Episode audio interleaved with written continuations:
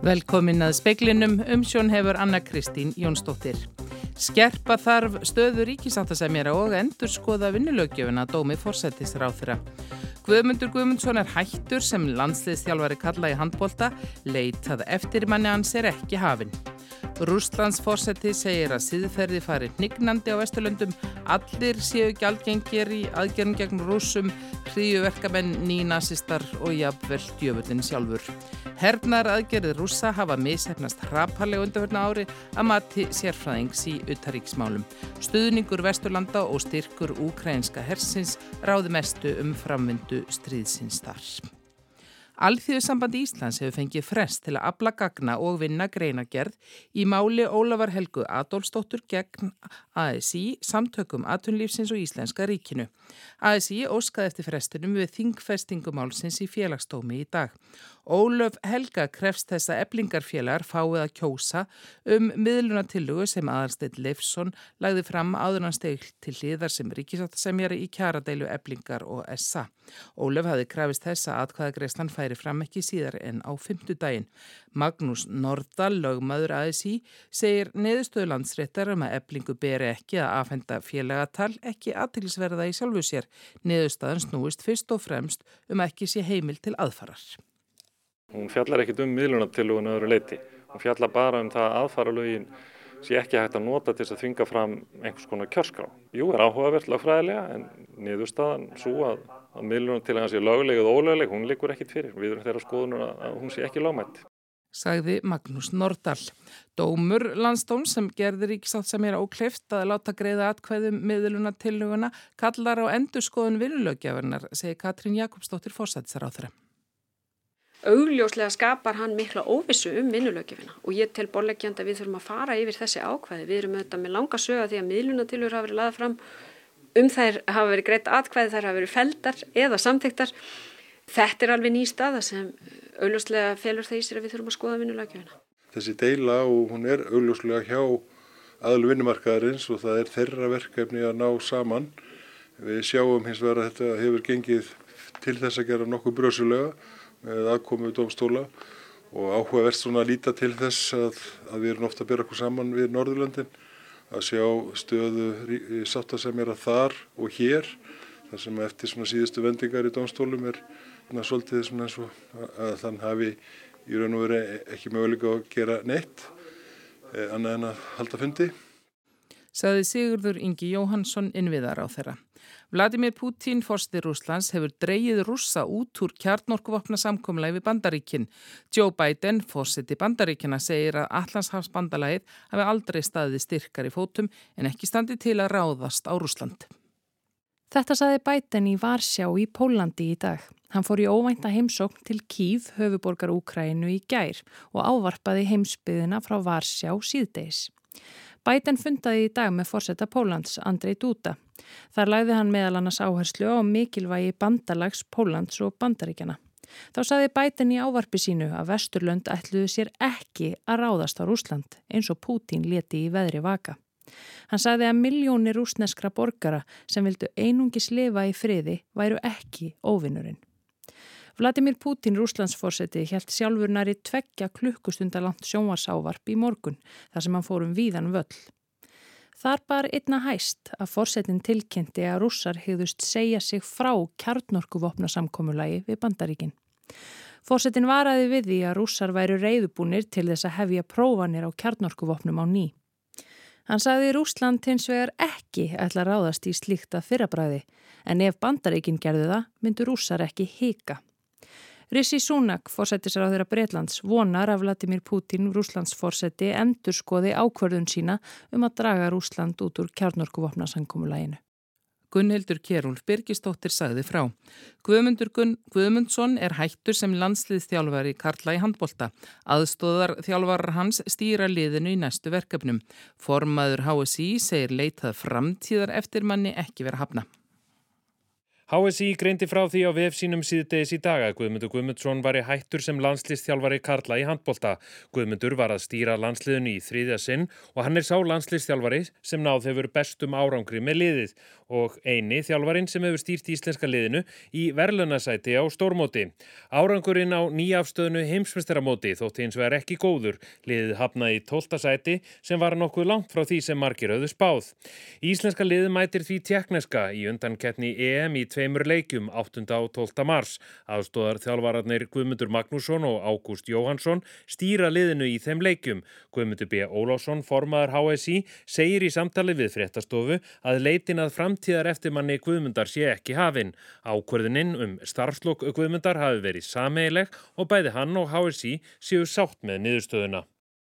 Þessi tímasetning, það er stutt í næsta landsleik, undankefnin framöndan hjá strákunum áfram er þetta í rauninni eitthvað sem er bara að koma upp núna, í, hvað, í þessari viku eða á síðustu misrum?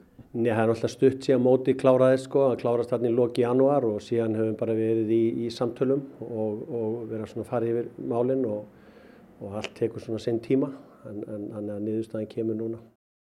Saði Guðmundur B. Ólafsson formaður HSI við Helgu Margrét til Höskuldsdóttur. Nánari fjallaðum þetta á rúf.is og í Íþróttafréttum. Sviðstjóri forvarnasviðs slökkvilis höfuborgarsvæðisins segir ekki megi breyta nótkunn húsnæðis eins og gert var á áfangaheimilinu betra lífi án leifis. Víða búi fólki aðtun húsnæði úttekt hafi sínda aðgerða slökkvilis er þörf. Slökkvilið höfuborgarsvæðisins skilaði svartri skíslu um brunavarnir, öryggi og flóttaleðir í áfangaheimilinu betra lífi í vatnagörnum í Reykjavík en eldur kom þar upp í síðustu viku. Skíslan segir runni það sem að segja þarf varandi ásand brunavagna þarna í vatnagörðum. Segir Aldís Rún Lárustóttir, sviðstjóri forvarnasvið slökkuliðs höfuborgarsvæðisins. Þremu dögum fyrir brunan var haldið fundur hjá slökkuliðinu þar sem fjalla varum fyrirhugaðu lokun á starfseminni hjá betra lífi vegna ónóra brunavarna en Aldís Rún segir að stemta við í það. Um með yfir 30 manns byggu í húsinu. Rannveg Einarstóttir, sviðstjóri velferðsviðs Reykjavíkuborgar, sæði samtalið við fréttastofin í gær að ekki þyrti leifi til að opna áfangaheimili á borðið betra líf og ekkert eftirlit væri með starfseminni. Aldís Rún segir hins vegar þurfa leifi til að breyta húsnæði eins og þar var gert. Já, þarna er allavega klárlega breytt nótkunna húsnæðinu. Þetta er á samtættum teikningum skráð sem hérna, skrifstofu og geimsluhúsnæði. Þannig að þarna hefur þetta sækja um breytingu á nótkunn og, og byggingarlegu fyrir því.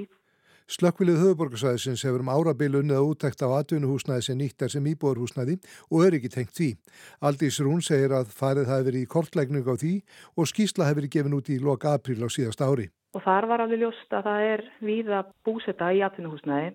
Ástand brunavarna er breytilegt eins og kannski bara í öðrum húsnæðum en þar komi ljós að það voru ákveðin heimilisfung sem að kölluð á frekar aðgerðir og eftirfylgni slökkulisins sagði Aldís Rún Lárusdóttir, Haukur Holm saði frá.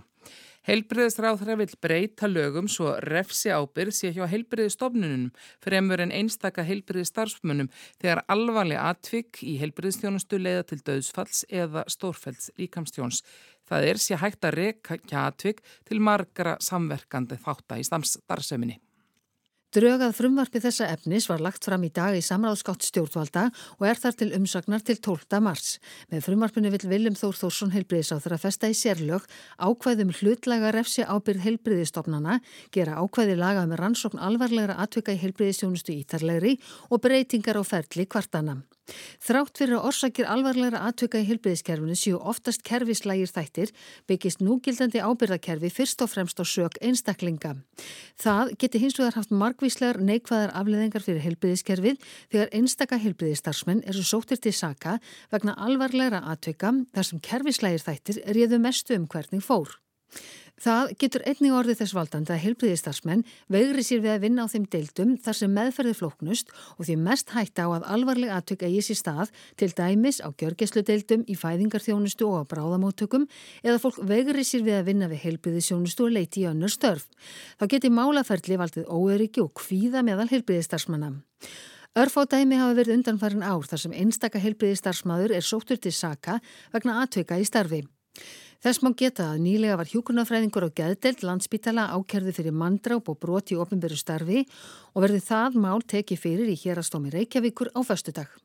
Jóhanna Vigdís Hjaltadóttir tók saman.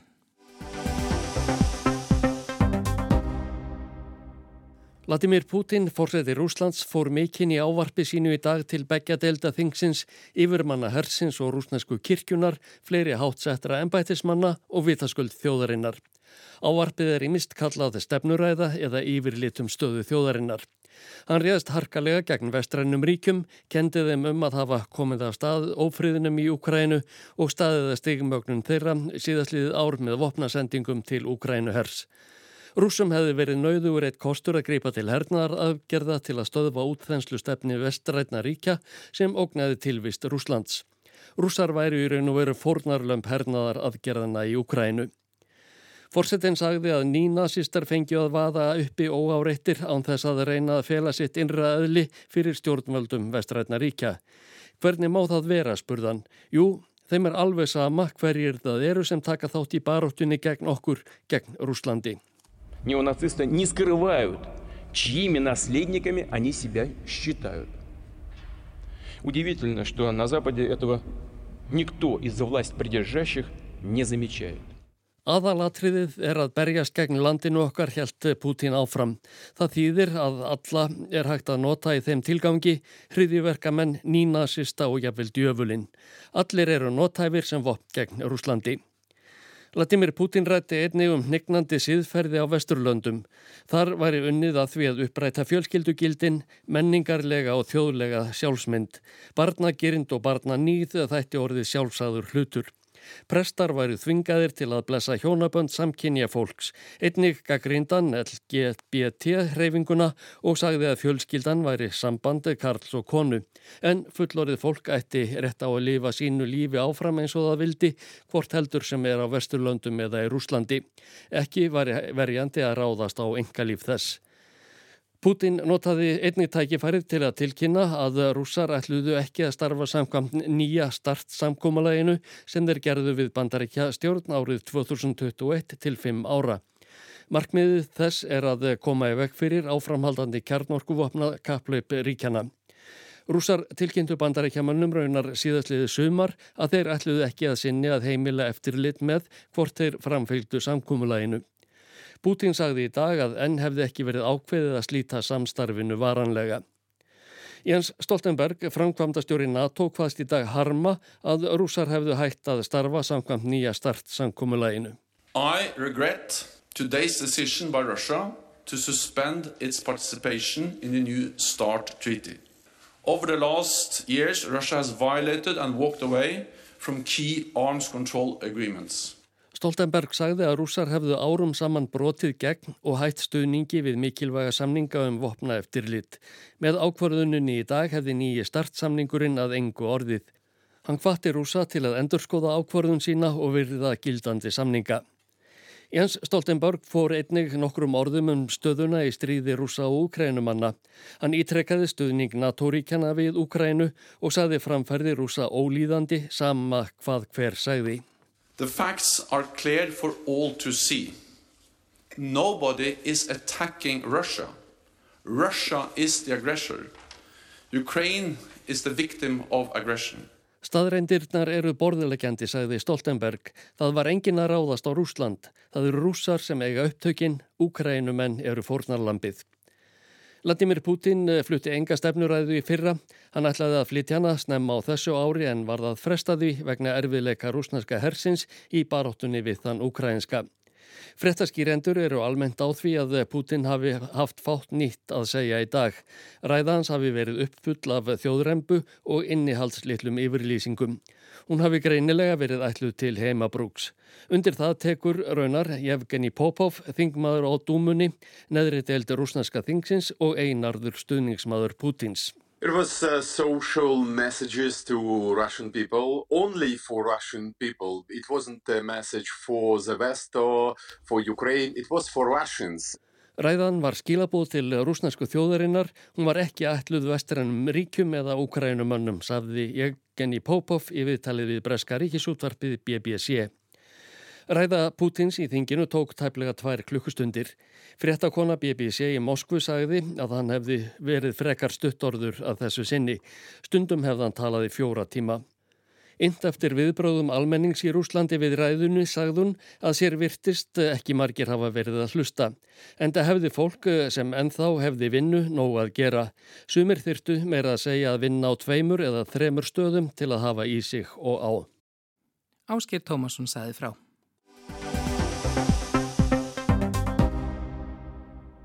Síðar í þessari veku verður ár liðið frá því að Vladimir Putin, Rúslands fósetti, fyrirskipaði innrás inn í Ukrænu. Staða rúsa í stríðinu er slæm og hernaðar aðgerið þeirra missefnaðar að mati Alberts Jónssonar fyrirverandi sendiherra í Rúslandi og sérfræðings í ötaríkismálum. Já, það er nú skemst frá að segja að, að rúsum hefur mistekist fullkomlega að ná markmiðum sínum í Ukrænu í þessu stríði og rúsnefni herin farið hrakför í, í stríðinu. Það, það bara blasir við og, og, og þetta á einlega við alveg bara frá fyrstu dögum eftir innrásina. Markmið rússa hafi verið að steipa ríkistjórnin í Úkrænu af stóli á samt Volodymyr Selenski fórseta, ráða stefnu landsins alfarið og skera á tengsl Úkrænu við Vesturlönd. Og þetta er auðvitað allt auðvitað mistekist og, og, og tengslinni við Vesturlönd har aldrei verið nánari en, en, nú. En á hinbógin, sem ekki gema þér, Úkrænu er enn hernuminn, talaðum við 20% af landinu, Rúsar eru kerfisbundið að að eðilegja mikilvæga einviði. Rúkræna eru auðvitað efnahagslega og niðurlega, var nú ekki burðuð fyrir í efnahagslegu tilliti og auðvitað veikist í Úkrænu og rúsar eiga möguleika á að halda áfram eðilegja meira í niður með, með, með flugskeita árós. Og Putin hann sakaði áarpi sínu í dag Vesturlönd um að vilja losa sig við Rúsland og að stegumögnun átaka í Úkrænu væri þeim að kenna út af lofórðum um vopnastendingar. Hvað skilabóð er Putin að senda með þessum orðum? Og hvað var það ja, skilabóð í Vesturlanda þá sé ég nú ekkert nýtt í því sem hann sagði. Skilabóðin er nú þungin í þeim en nú er, nú er innávið eins og ég sé það. Kanski nýtt í því efnið skilabóðinu innávið er að hann laði áherslu á að efnahagslega refsakir býti ekki eins og Vesturland hafi vonað. Það skiptir hann miklu máli skilur að sína almenningi fram á efnahagurins í grundvallalatri í, vægi. Það er alltaf tengs Putin og, og, hans stöðu að hafa hann lagað efnahagin á sínum tíma en uh, skilabóðin eru fyrst og finnst inn á því ekki þarna sem ekki sé fyrir Vesturland en ekki skilabóð til þeirra en neitt nýtt og þetta er allt gamalt að kenna stakkur NATO um þetta og þetta sé rauninni stríði bandaríkin og Úkræna sé leppur, jáfnveg fórnalamb Vesturland eða vaðala bandaríkan. Allt frá því að stríðið hófst hafa Vesturlönd beitt rúsa viðskiptaþvingunum. Þrátt fyrir það er landið ríkt af öðlindum eins og til að mynda ólíu og gasi eins og Evrópubúar hafa fengið að finna vel fyrir eftir að viðskipti með gas dróðust saman. Til skemmri tíma litið hafi refsi aðgerir ekki skipt mjög miklu máli fyrir almenning. En auðvitað til lengri tíma litið munu aðgerði Vesturland að skada Rúsland og veikja það. Efnaðurinn var ekki beisin fyrir, það var eiginlega engin hagvöxtur árum saman áður fyrir innrásina og og engin nýsköpun það er, er aftalega í öllu sem heitir hátækni. Erlend fjárfesting var mjög lítið árum saman við talaðum ekki bara skömmu fyrir innásum þetta var svona til einhverjum að liti þannig að langtíma veikleikar í hagkerfinu og auðvitað mun uh, refsaðgerði Vesturlanda uh, auka á þessa veikleika og skada Rúsland. Nú voru að vera liðið ár frá því að rússar réðust inn hvað gerist þá næstunni? Er eitthvað í auksín um framvindu strísins? Það er mikil óvisa hvað var það framvinduð strísins og ég held að nefnum eitthvað, eitthvað alveg óvænt kom upp á þá fyrir að býða fram á sumari og jáður fram á haustu áður en það, áður en það skýrist. Ég held að sko kannski mest óvisan og ég held að það sé þannig um hvað rúkænski herin getur gert.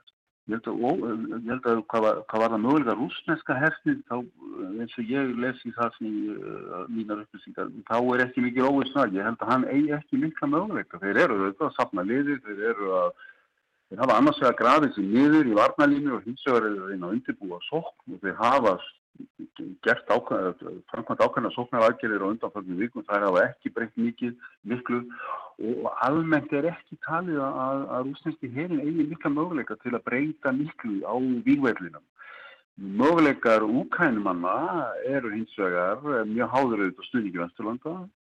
Þeir eru mjög háður því hversu vel rúsarnir hafa komið sér fyrir í þessum varnalínum sem er á unnið annað marga vikur mánuði En það er gætna talið að, að úkænski herin hafi möguleika ef hann fær til þess uh, þau vopp sem þarf og uh, úkrænumennir búa auðvitað að allt annar í kvartningu en rúsarnir að verja sitt í land og þetta, uh, þetta er hluti sem skipta miklu máli og hafa bara staðið sér mjög vel í, í þessu stíði og stjórnin á úkrænska hernum og svo framvegis bara eitthvað allt annað en áður rúsana. Það er Rúsneski herin hefur farið það eins og ég sagði, rakför í þessu stríði og það blasa við djúbstæði, kerfislægir veikleikar.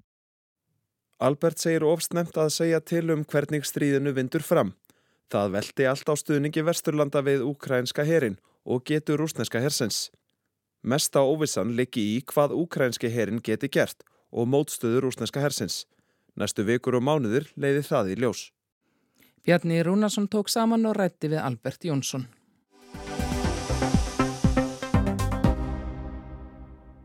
Kjaradeila samtaka atvinnulífsins og eblingar setti sitt marka á ríkistjórnarfundi morgun. Stöðumat vegna yfirstandandi og yfirvofandi vinnustöðvana, alvarleg staða ferðarþjónustunar vegna verkvalls aðgerða eblingar, vinnudeila eblingar og samtaka atvinnulífsins og áætluð áhrif vinnustöðvana á stopnanir heilbriðisráðunettis voru þar liður á dagskrá. Leinist engum að ráþerarnir hafa áhyggjur af þessum sí harnandi hnút sem deilan er í, gífur þeim sem ganga á báðabóa og hverjar afleðingarna verða. Ábyrðin liggi þó hjá aðilum vinnumarkaðins og Katrín Jakobsdóttir Fossættisráþara segir það hlutverk deilenda að ná samningum. Ríkistjónin kynnti sínar aðgerið hér fyrir áramót hvað varðar kjærasamninga á almennu markaði. Þær aðgerið fólust í auknum húsnæðistunningi fyrir eigendur og leyendur íbúrhúsnæðis. Þær fólust líki því að það hefur verið sett af stað vinna með aðkomu aðla vinnumarkaðis hvað varðar húsnæðismarkaðin og ekki síst leigumarkaðin og mögulega leigubremsu. Og síðan kynntu við þetta stóra eflingu barnabótakerfisins sem nær nú til mun fleiri fjölskyldin áður. Þetta voru þær aðgerið sem við kynntum til að greiða fyrir kjærasamningum og þær voru kynntar þegar meiri hluti launafólks og almennu vinnumarkaði hafði skrifað undir samninga eða fulltrúar þeirra. Þannig að það líkur fyrir að við munum ekki koma með frekari útspil af þessum toga inn í þessa deilu. Hún er hjá aðilunum eh, og það er þeirra skild að gera allt sitt til að reyna ná saman. Það er viðbúið að það verði bísna mikil áhrif af verkvöldum og jafnvel verkbönnum núna alveg á næstunni. Hvernig horfir það við ykkur? Við fylgjum skrant með og höfum verið að gera það, byrjuðum strax í síðustu viku að taka saman upplýsingar um mögulega áhrif. Eh, það eru undan þáður sem hafa verið veittar til þess að tryggja hér almanna öryggi. Að sjálfsögðu ef svo vindur frá sem horfir og við metum það að það sé einhver okk við almanna öryggi eða annað slíkt þá auðvitað tökum við í raun og veru stöðuna út frá því.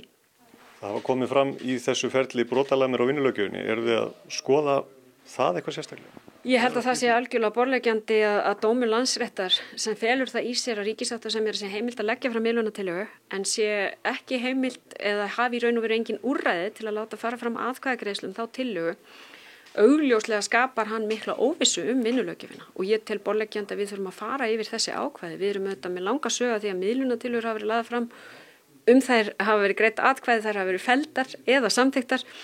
Þetta er alveg ný staða sem auðvitað felur það í sér að við þurfum að skoða vinnulagjöfina. Það hefði verið áhugavert að fá álit hæstaréttar á kröfu ríkisáttasemjara um kjörgögn frá eblingu sem var hafnað í landsrétti, sagði Katrín við Bjarnapjötur Jónsson frettamann, en það væri ekki höndum ráð þeirra.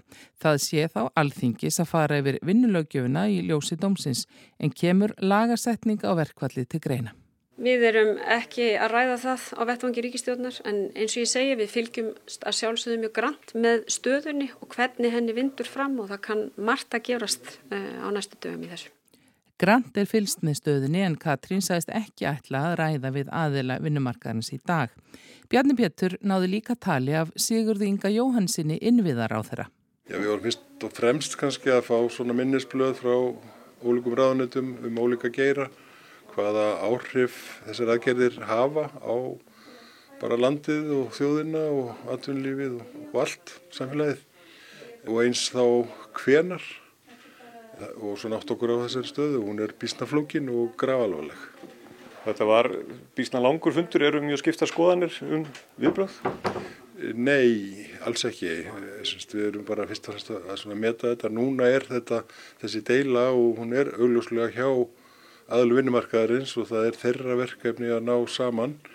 Við sjáum hins vegar að þetta hefur gengið til þess að gera nokkuð brösulega með aðkomu dómstóla og áhugavert svona að líta til þess að, að við erum ofta að byrja okkur saman við Norðurlöndin að sjá stöðu sáttasemjara þar og hér þar sem eftir svona síðustu vendingar í dómstólum er svona svolítið svona eins og að þann hafi í raun og veri ekki möguleika að gera neitt annað en að halda fundi og vonast til að menn séu tilbúin að tala saman en áhrifin af svona verkföllum og hvað þá svona viðtækum og síðan þá verkbanni stoppa náttúrulega samfélagið á einhverjum tíðanpunkti og þá verður þetta auðvitað ekki bara einhver deila milli tökja aðila heldur hefur þetta áhrif á samfélagið allt og við vorum bara að ræða það.